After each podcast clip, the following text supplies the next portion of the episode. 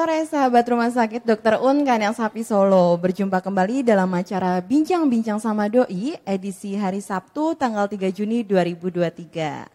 Dalam beberapa waktu ke depan, Ica akan menemani sahabat berbincang bersama Dr. Ratna Sari Dewi, dokter spesialis saraf magister kesehatan.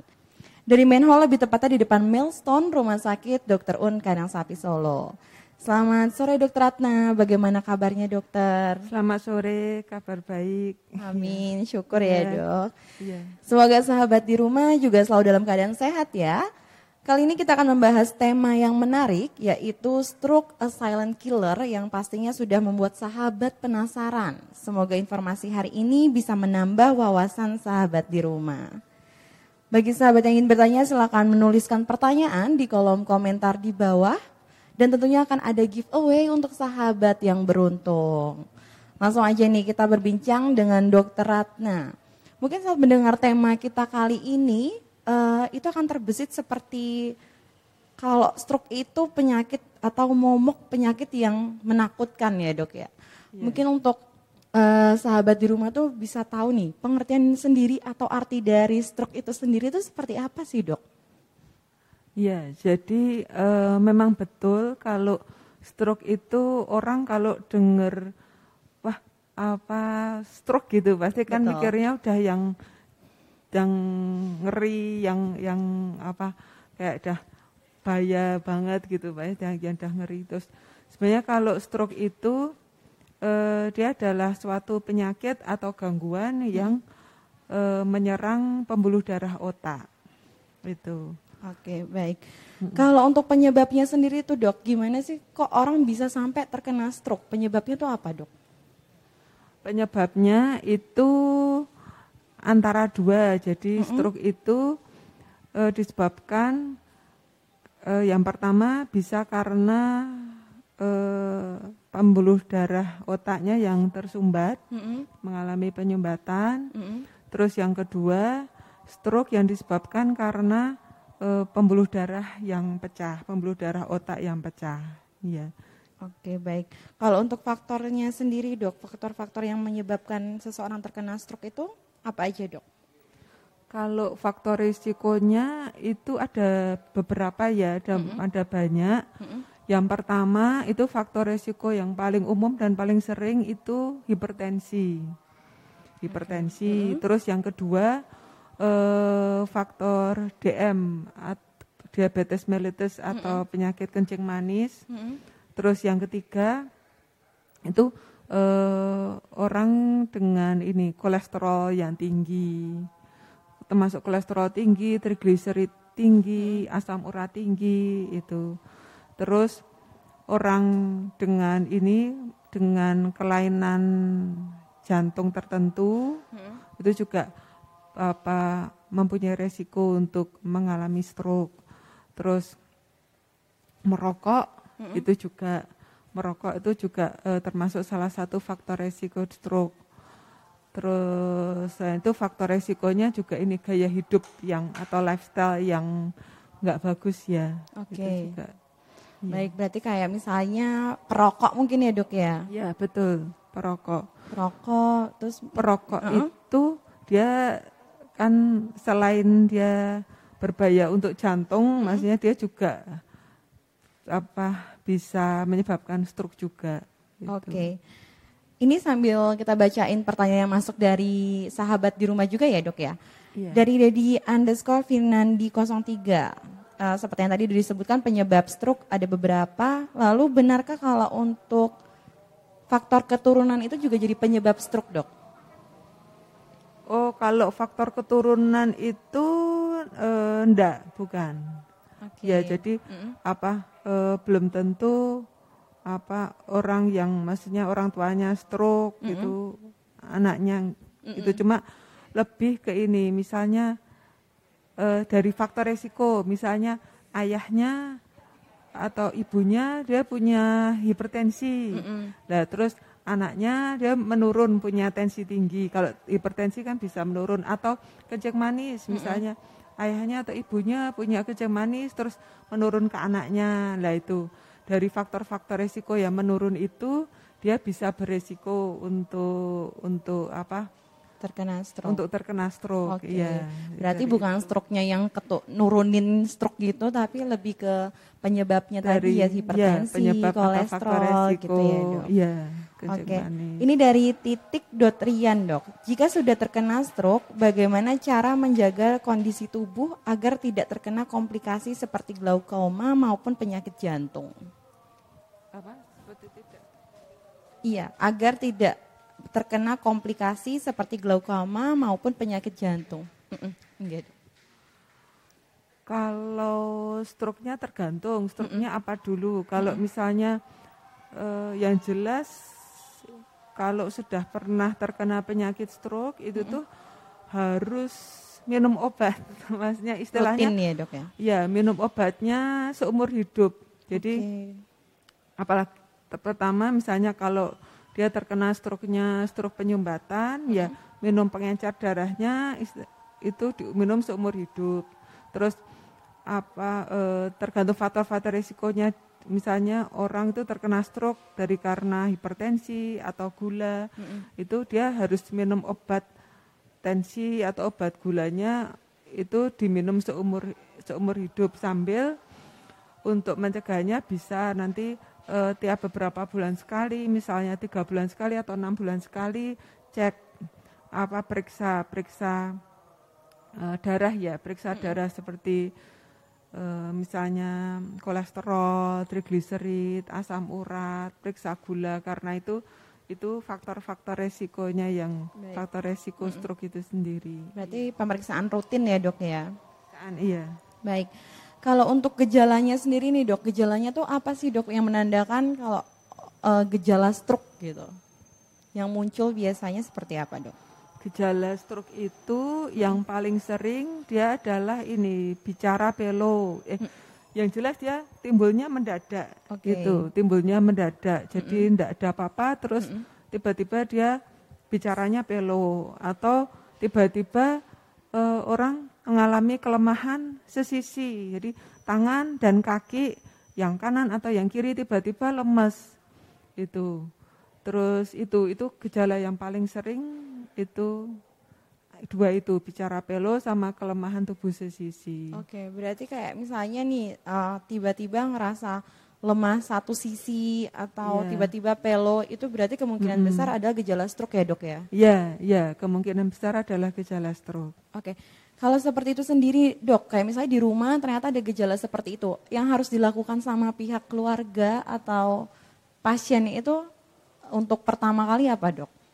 Pertama kali, nah ini kalau orang awam itu kan seringnya ini ya, eh, pasien saya itu ada yang pernah terus jarinya tuh ditusuk-tusuk gitu. Katanya untuk biar pembuluh darahnya jadi lancar. Oke. ya, itu kan pernah ya apa itu kayak kepercayaan Betul. orang awam seperti itu. Padahal itu sebenarnya sih nggak nggak benar gitu. Yang yang betul kalau begitu eh, tahu ada saudara atau keluarga atau tetangga misalnya ya yang udah wah ini kok kayaknya gejala stroke ini gitu. Langsung langsung dibawa ke rumah sakit, langsung dibawa ke IGD. Ya, itu udah yang paling paling tepat itu. Betul. Ya. Baik dokter. Mantap. Ini selanjutnya ada dari A, Nat, A. Natasha underscore 0206. Apakah stroke bisa sembuh dengan terapi dok? Dengan terapi. Mm-mm. Eh, terapi ini maksudnya apa? Maksudnya fisioterapi atau jadi Mm-mm. kalau stroke itu eh, dia ter dia tergantung dari terapi saat awal. Jadi Oke. saat awal penanganan dan eh, dia ini terapinya harus di jam-jam, maksudnya jangan sampai terlambat. Jadi Oke. begitu gejala awal, Mm-mm. Karena kan dia ada golden periodnya, dia golden Baik. periodnya tuh 6 jam. Jadi secepat mungkin segera dibawa ke rumah sakit, terus langsung ditangani, diberi obat. Mm-mm. Eh, kita misalnya kita kejar dengan obat itu, terus setelah itu t- diberi obat-obatan untuk maintenance sama ditambah dengan fisioterapi itu. Jadi terapinya ada dua. Kalau stroke itu terapi inti ada dua. Jadi obat-obat, terapi obat-obatan, sama fisioterapi. Oke. Iya. Berarti untuk mungkin untuk pertama kali yaitu tadi pertolongan pertamanya itu dibawa ke rumah sakit ya dok ya? Iya, dibawa ke rumah sakit. Oke, baik. Kalau untuk stroke sendiri itu apa ada tipe-tipenya ya dok ya? Kayak misalnya tipe awal, tipe sampai yang ke berat gitu, ada atau gimana dok? Kalau hmm. tipe awal, tipe ringan, sedang gitu, ada nggak dok? Kalau ya paling gini apa mm -mm. kalau tipenya ada yang tipe kalau kita sih mengenal yang jelas mm ada dua macam yaitu stroke yang tadi namanya stroke non hemoragik mm -hmm. itu karena penyumbatan okay. pembuluh darah otak sama yang kedua stroke hemoragik stroke apa karena perdarahan lah yang stroke non hemoragik ini ini khusus yang stroke non hemoragik atau karena sumbatan ini dia ada e, beberapa jenis satu jenisnya tuh namanya TIA jadi TIA itu transient ischemic attack jadi dia e, stroke yang bisa dibilang serangannya itu bisa sembuh mm -mm. e, sebelum 24 jam jadi misalnya okay. orang tiba-tiba bicara pelo mm -mm. tapi terus kemudian e, 30 menit atau satu jam kemudian terus sudah normal lagi tanpa obat atau tiba kelemahan sisi terus yaitu apa sebelum 24 jam itu dia dia normal kembali itu itu TIA itu mungkin yang termasuk ya sebenarnya bukan stroke ringan sih tapi itu termasuk yang tapi itu sudah mengarah ke arah stroke, stroke penyumbatan. Okay. cuma dia e, gejalanya seperti mungkin orang kok ngomong kok stroke ringan stroke ringan yeah. itu seperti itu. Iya iya. Tapi sebenarnya kalau udah karena stroke, mm -hmm. ya udah misalnya orang apa udah bicara pelo, udah ekstremitasnya lemah, itu ya berarti dia udah bukan kena gejala stroke, tapi dia udah udah terkena stroke, stroke ya, itu. Dok, ya. Iya. Baik. Kalau untuk stroke sendiri itu bisa menyerang semua usia atau hanya usia yang sudah kayak lanjut usia kayak gitu atau bisa semuanya, Dok? Iya. Paling paling umum mm -hmm. itu stroke itu terkena di usia antara 45 sampai 55 tahun itu yang hmm. paling banyak. Hmm. Cuma dia juga bisa terkena di usia muda. Jadi umur dulu pernah ada pasien itu di bawah 30 tahun itu sudah terkena stroke bisa. Hmm. Terus atau di atas 55 tahun bisa banyak juga yang misalnya umur 60 tahun terus 65 tahun itu terkena stroke juga bisa tapi paling sering itu dia di usia 45 sampai 55 tahun. Oke, baik. Saya kan hmm. kemarin tuh pernah baca berita kan ya, Dok. Ada uh, anak kurang lebih umur 20-an tahun itu kan ternyata kayak malam hari itu tiba-tiba nggak bisa gerak badannya semuanya. Akhirnya sampai si anak ini kan teriak, baru dibawa ke rumah sakit dan ternyata dibawa ke rumah sakit itu kan ternyata gejala stroke, Dok. Udah stroke malahan kayaknya. Terus tapi ternyata ada muncul uh, lupa ingatan dok. Bener nggak sih kalau stroke itu bisa sampai kayak gitu gitu dok? Oh maksudnya sampai lupa iya, ingatan? Iya, uh, uh, jadi sampai katanya tuh nggak nggak mengenal dirinya sendiri orang sekitar sampai gitu dan hmm. kebetulan dia kena sisinya itu sebelah kanan. Hmm. Dia sebelah kanan tuh udah lemes banget dan ternyata sampai ke lupa ingatan katanya hmm. gitu. Jadi iya, jadi kalau hmm. stroke itu kan bagian otak itu kan ada macam-macam ya maksudnya ada yang bagian otak bagian depan, belakang, Betul. tengah apa otak kecil itulah. Stroke itu dia bisa menyerang bagian mana pun. Okay. Lah terus kalau gejala yang ditimbulkan itu sesuai dengan bagian otak yang terkena. Hmm. Misalnya nih bagian otak misalnya seseorang terkena bagian otak kecil hmm. yang stroke-nya, dia biasanya terus gejalanya seperti orang vertigo, pusing berputar, terus mual, muntah seperti itu. Terus ada orang yang e, terkena stroke-nya dia di otak bagian belakang. Hmm. Itu terus misalnya apa pandangannya tiba-tiba jadi kabur atau tidak hmm. jelas. Jadi itu tergantung dari area otaknya yang terkena stroke itu. Oke, iya. karena sangat luas ya dok ya. Iya. Baik. Ini ada pertanyaan dari Arsila Putri Nia Sanjaya satu, dok apa saja penyebab masih muda sudah terkena stroke? Tadi sudah dijawab ya penyebabnya antara lain bisa turunan itu turunan tadi faktornya hipertensi, kolesterol ya dok ya. Iya, iya. Tadi sudah dijawab juga. Untuk selanjutnya dari Anatasha underscore 0206. Dokter mengapa penderita stroke rentan mengalami kehilangan kesadaran? Uh, sebenarnya kalau mm -hmm. dibilang rentan sih enggak. Mm -hmm. Kata banyak juga pasien stroke yang tetap sadar. Mm -hmm. Jadi maksudnya dia sadar penuh cuma dia itu tadi mengalami bicara pelo atau mm -hmm. kelemahan tubuh sisi. E, pasien stroke itu yang tidak sadar dia biasanya stroke-nya itu terkena di bagian otak e, bagian otak tengah. Jadi dia yang mengatur anu pusat kesadaran. Oke. Okay. Dia yang bagian mengatur pusat kesadaran. Ya biasanya kalau sudah terkena yang bagian otak itu bagian otak tengah dia hmm. yaitu dia mulai misalnya kesadarannya mulai menurun atau terganggu gitu tapi hmm. tidak semua pasien stroke apa kesadarannya terganggu. Iya. Oke. Okay. Iya. Baik.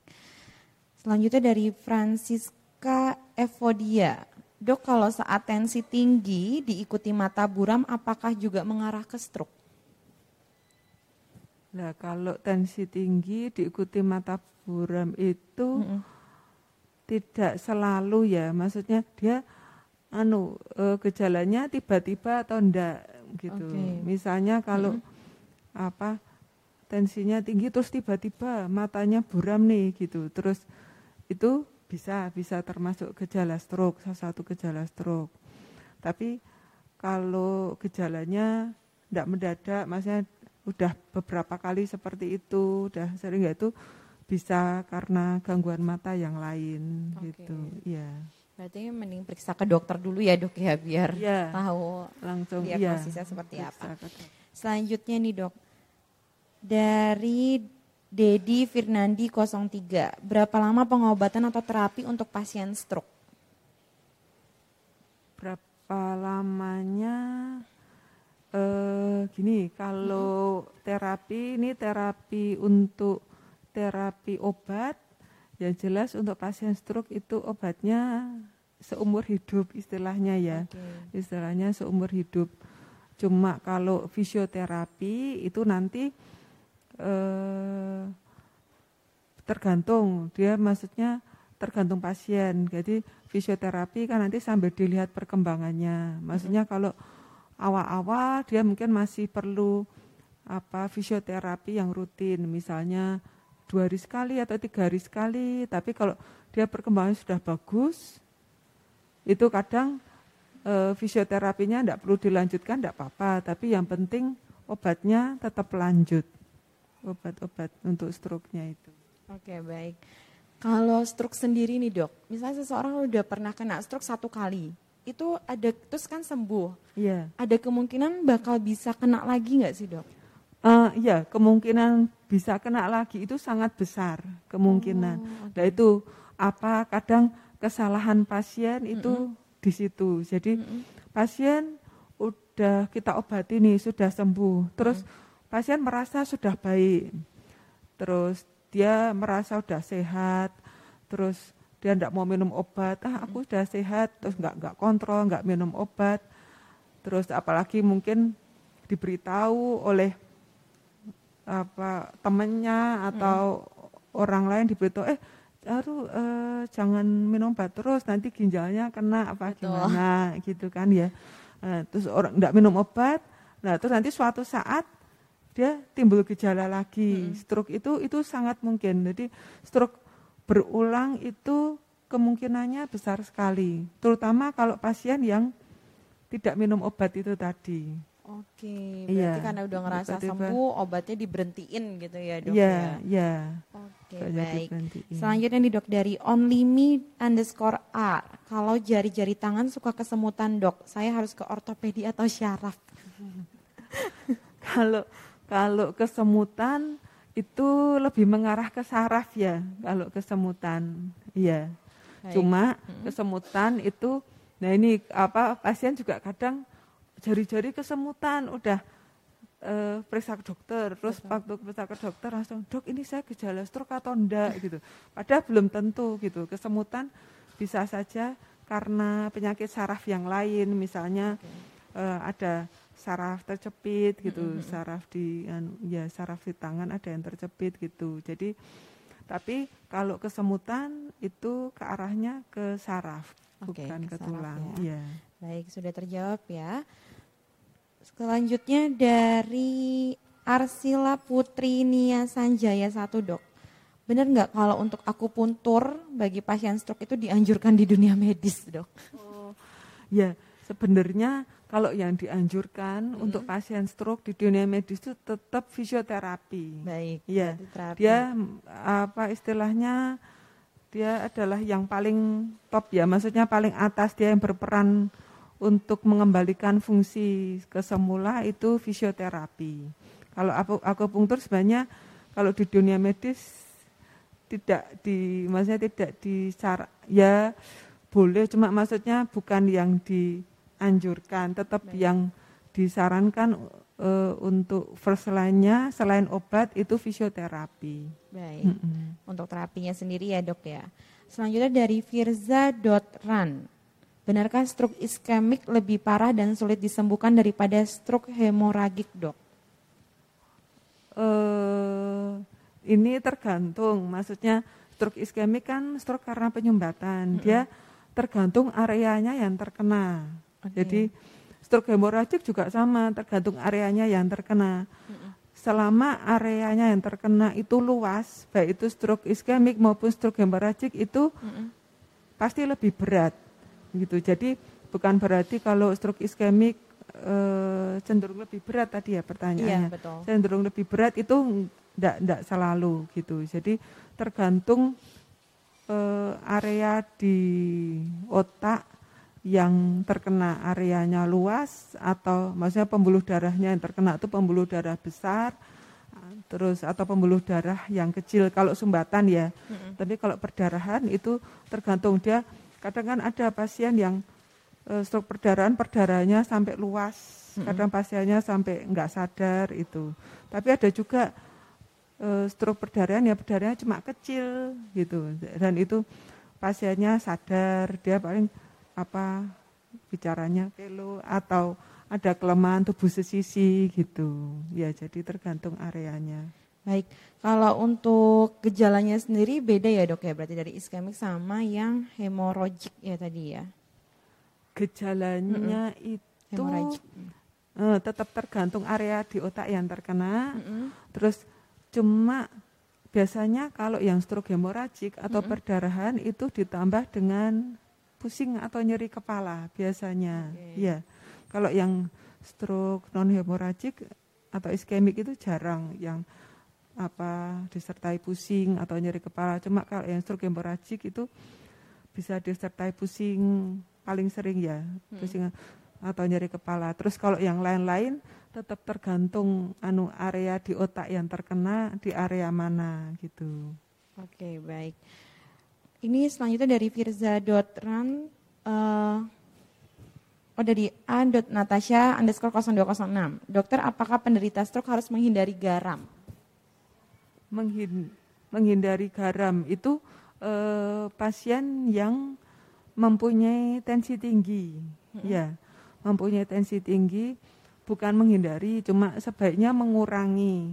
Okay. Tapi biasanya sih pasien-pasien stroke dengan faktor risiko hipertensi biasanya dari dokter sarafnya mm-hmm. itu sudah diberi obat penurun tensi, okay. diberi obat penurun tensi. Cuma biasanya kita tetap menganjurkan ke pasien untuk membatasi atau mengurangi garam. Nah terus atau sekarang kalau di apotek-apotek itu kadang sering apa sekarang dijual garam khusus itu lebih aman untuk pasien-pasien yang hipertensi. Oke, kayak garam gitu. diet gitu ya dok garam, ya? iya, iya. Dok, kalau misalnya orang uh, sering ngerasa pusing, mungkin kan tanggapan orang biasanya vertigo atau cuman migrain kayak gitu ya dok. Iya. Itu benar nggak sih ada kemungkinan kalau itu bisa mengarah ke gejala stroke? Uh, kalau sering pusing ya, mm -mm. Kalau stroke ini kan dia nganu apa identik dengan tiba-tiba, okay. atau gejala yang mendadak atau tiba-tiba. Kalau gejalanya berulang mm -hmm. itu tergantung nih pusingnya pusing apa dulu pusingnya okay. karena kalau pusing itu kan jenisnya macam-macam ada pusing berputar mm -hmm. atau vertigo mm -hmm. gitu anunya terus ada uh, pusing sejenis migrain gitu kalau sering pusing pusingnya jenis ya migrain itu berarti kan bukan bukan stroke ya terus kalau vertigo vertigonya jenis yang vertigo biasa, maksudnya pembuluh darah otaknya aman-aman saja, jenis vertigo yang biasa itu kan berarti bukan stroke. Okay. Dan kalau seperti sering pusing itu penyebabnya apa dulu? Misalnya e, kayak vertigo itu kan pasien e, sering misalnya sering kambuh, dia mungkin karena apa? Karena baik itu vertigo atau migrain biasanya penyebabnya mungkin kurang tidur okay. atau kecapean gitu, tapi okay. bukan stroke. Berarti untuk stroke sendiri itu justru orang yang jarang ngerasain pusing, ngerasain apa kayak vertigo, tiba-tiba ngerasa pusing yang hebat sampai muntah itu berarti kemungkinan ada gejala stroke malahan ya dok ya? Iya, iya. Tiba-tiba dia mm. sebelumnya normal-normal iya. aja, terus tiba-tiba dia uh, pusing mm -hmm. muter pusingnya hebat lah. Mm -hmm. Kalau untuk vertigo mm -hmm. itu uh, dia ini kalau vertigo yang biasa mm -hmm. dia biasanya gejalanya hebat sampai pusing berputar hebat, mm -hmm. terus sampai keringet dingin, terus muntah-muntah. Tapi kalau yang vertigo biasa itu diobatin, mm -hmm. nanti terus tiga hari biasanya sudah sembuh. Satu hari aja kadang sudah sembuh. Nah, kalau pusing vertigonya diobatin dengan obat vertigo kok tidak sembuh-sembuh, lah itu kita bisa curiga jangan-jangan ini ke arah stroke okay. gitu. Stroke dia biasanya lokasinya di otak kecil, entah itu penyumbatan atau hmm. perdarahan gitu. Oke. Okay. Untuk dampak dari stroke sendiri nih dok, misalnya nggak diobatin, pasien uh, kena stroke tapi ternyata nggak diobatin, itu dampaknya seberapa besar dok? Dampaknya ya, e, nanti misalnya dia tidak diobatin ya dia tambah, misalnya sebelumnya mm -hmm. dia mengalami kelemahan tubuh sesisi, misalnya mm -hmm. yang sebelah kanan mm -hmm. katakanlah, dia tapi tidak diobati tetap dibiarin dia nanti tambah lama tambah lemes tambah lemes terus dia tidak di fisioterapi tambah lama kaku yang okay. anggota tubuh sebelah kanan tuh dia bisa kaku. Terus terus juga misalnya tensi dia misalnya punya struknya karena punya tensi tinggi terus tetap dibiarin aja gitu ya bisa bahaya ya maksudnya Betul. bisa stroke kan eh, kalau ya selain itu meninggalkan gejala sisa tadi hmm. apa anggota tubuhnya kaku terus kalau nggak diobati seperti tensi tinggi terus gulanya tetap tinggi terus nggak diobati bisa ke mana-mana. Nanti bisa sampai mengancam nyawa juga itu betul. Baik. Terkait untuk stroke sendiri nih dok ada nggak sih pantangan bagi uh, apa orang yang punya gejala stroke? Kayak misalnya nggak boleh makan santan nggak boleh makan garam yang banyak garamnya kayak gitu ada nggak dok? Nah itu tetap nanti tergantung dari hasil hasil pemeriksaannya. Misalnya hmm. eh, kan kalau pasien mondok atau pasien periksa kita cek hmm. tensinya gimana, gulanya gimana, terus kita cek kolesterol, trigliserid, asam uratnya gimana. Nah nanti di antara faktor-faktor resiko itu tadi mana yang angkanya tinggi. Mm-hmm. Misalnya ya kolesterolnya tinggi, berarti dia harus ini ngurangi makan makanan berlemak, mm. terus yang goreng-gorengan, terus kalau misalnya tensi tinggi berarti dia nggak boleh makan kambing, terus enggak boleh makan asin-asin gitu. Iya. Oke. Selanjutnya dari sebentar. Dari Azara underscore, underscore Zara 33. Dok, apakah penderita stroke ringan tetap harus mengkonsumsi obat semasa hidupnya? Kalau stroke ringan tetap, ya. Tetap tetap kalau menurut saya saran saya tetap harus mengkonsumsi obat. Karena apa? Karena stroke itu dia mempunyai sifat bisa berulang. Mm -mm. Dan biasanya kalau ber, berulang itu stroke-nya cenderung lebih berat dibanding stroke pertama. Jadi pertama nih stroke ringan, tapi apa e, karena tidak apa ndak minum obat gitu, terus dia bisa berulang dan biasanya cenderung lebih berat dibanding stroke sebelumnya. Oke, berarti mm -hmm. biarpun seperti yang tadi dokter katakan bisa juga stroke yang sembuhnya kurang dari 24 jam ya dok ya? Ya betul. Itu tetap harus minum obat karena takutnya nanti bisa berulang dan ternyata justru lebih parah dari sebelumnya lebih begitu ya, parah, ya dok? Iya, iya. Ini kan sangkutannya sama minum obat dan itu harus rutin juga uh, selamanya ya seumur hidup ya dok ya? Iya, iya. Itu ada kemungkinan bisa pengaruh ke ginjal nggak sih dok? Nah, Mungkin kan yang ditakutin untuk... sama orang awam mungkin gitu ya dok karena kan aduh kok minum obat terus nanti ginjalnya kena ginjalnya kena ya uh, sebenarnya obat yang paling berefek ke ginjal itu terutama obat anti nyeri okay. ya obat hmm. anti nyeri dan kalau obat stroke itu biasanya kan kita paling umum ya kalau hmm. dokter saraf itu ngasih itu pengencer darah, terus obat tensi, obat gula, obat kolesterol itu e, setahu saya aman. Maksudnya enggak apa-apa. Untuk ginjal pun aman.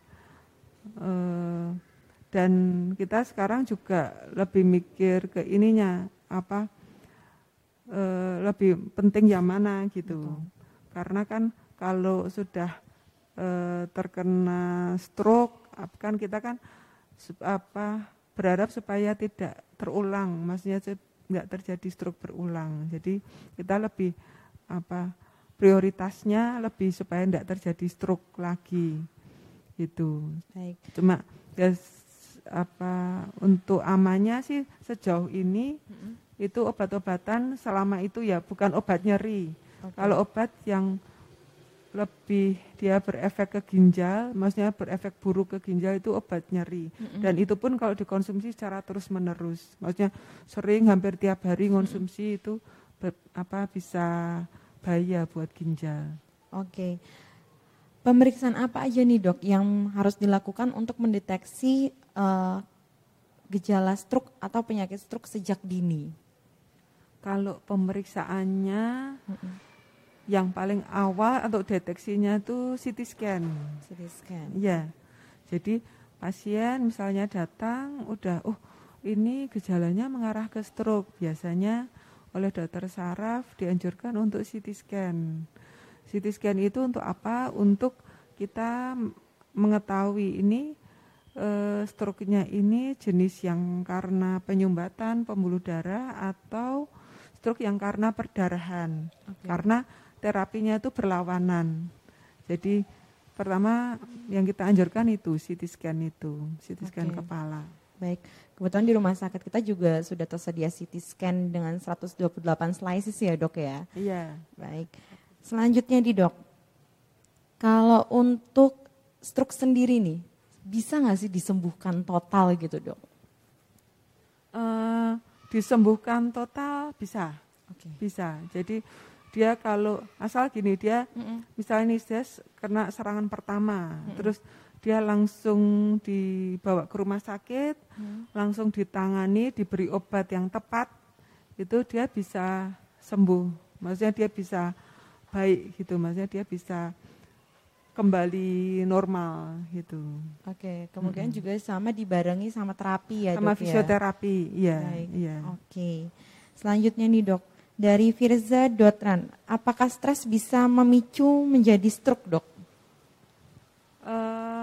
Bisa, kalau stres bisa memicu. Jadi hmm, kalau orang stres itu kan biasanya terus ini ya, apa gaya hidupnya jadi nggak teratur terus dia juga kalau itu lebih ke arah ini ya apa biokimia jadi tapi dia terus tensinya terus dia mungkin tensinya kalau orang stres misalnya punya tensi tensinya jadi tambah tinggi terus yaitu tadi gaya hidupnya eh, kalau orang stres kan pasti biasanya gaya hidupnya jadi tidak teratur betul, gitu betul. mungkin dia kurang istirahat terus makannya juga asal-asalan kayak gimana ya itu itu itu nanti bisa menja apa, menjadi faktor resiko untuk terjadinya stroke itu.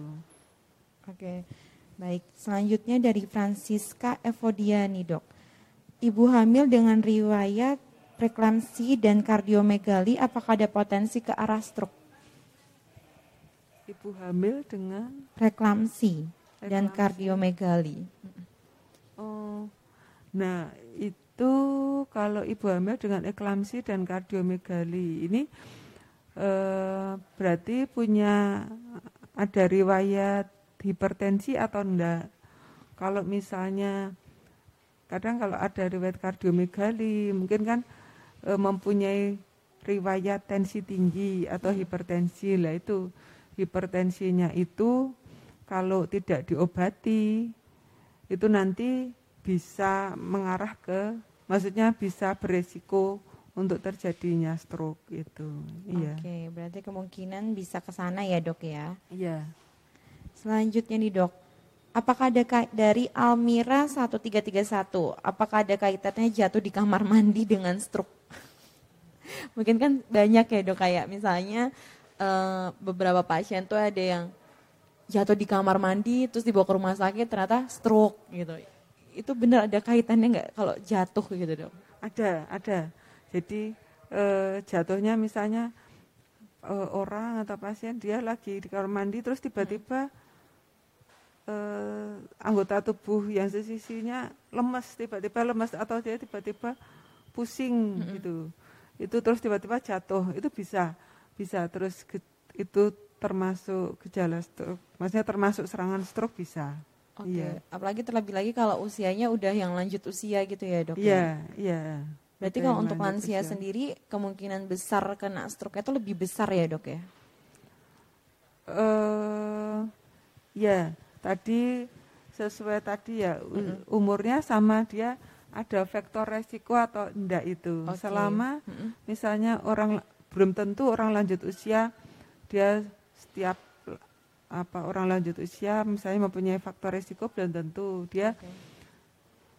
dia ini tergantung dia faktor risikonya tadi ada okay, atau enggak gitu ya misalnya tadi, balik ke hipertensi tadi ya dok ya tensi hmm. apa gula hmm. apa dia apa punya riwayat jantung terus dulunya mungkin pernah rokok hmm. gitu iya termasuk obesitas berarti dok obesitas termasuk iya Obesitas termasuk faktor resiko. Baik kalau gitu. Pertanyaan terakhir nih dok, bagaimana cara pencegahan penyakit stroke? Nah ini kalau pencegahannya itu sebaiknya dari awal hmm. itu uh, cek ya uh, cek misalnya cek tensi mm -hmm. yang yang yang sederhana ya cek tensi mm -hmm. terus kemudian cek darah. Oke. Okay. Cek darah seperti misalnya cek gula, kolesterol, asam urat, trigliserid mm -hmm. itu. Cek itu. Terus uh, paling itu sih faktor yang yang paling dominan ya. Okay. Itu untuk untuk mencek untuk kita supaya kita tahu. Jadi mm terus jadi misalkan ada yang tinggi mm itu sebaiknya ke dokter, ke dokter, terus supaya dari dokter diberi obat, diberi obat misalnya kolesterol tinggi, diberi obat kolesterol, hmm. terus atau misalnya gulanya tinggi, diberi obat gula supaya nanti e, faktor risikonya itu kan bisa ditekan. Kalau ditekan kan harapannya tidak sampai tidak sampai ke mana-mana, termasuk tidak oh. sampai terjadi serangan stroke gitu. Kalau pemeriksaan yang tadi disebutkan dok, itu bagusnya dilakukan berapa bulan sekali atau bagaimana dok?